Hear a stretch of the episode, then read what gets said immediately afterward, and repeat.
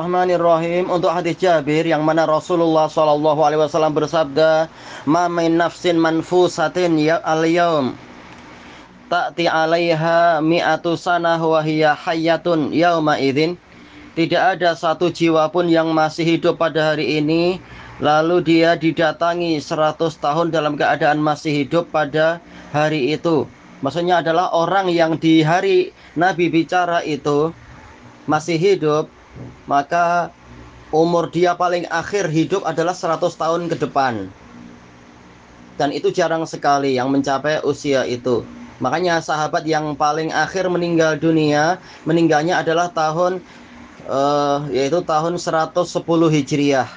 Rasulullah SAW meninggal tahun kurang lebih 10 Hijriah atau awal 11 Hijriah yaitu Dhul, uh, apa namanya Rabiul Awal, ya 11 Hijriah.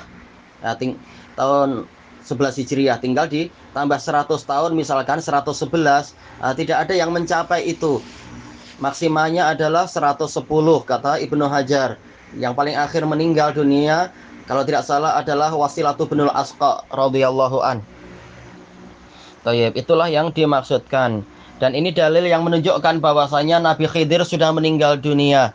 Karena seandainya Seandainya di zaman Nabi Muhammad itu Khidir masih hidup, berarti dia tidak mencapai 100 tahun ke depan lagi. Tapi karena yang setelah itu generasi berikutnya lagi lah yang hidup dan seterusnya dan seterusnya. Khidir tidak ada sampai zaman sekarang. Taib. Apalagi yang betul Khidir itu di zaman Nabi Musa. Tidak ada dalil beliau hidup beribu-ribu tahun. Tapi itu hanyalah hayalan orang-orang orang-orang sufiah saja. Wallahu alam walhamdulillahi rabbil alamin.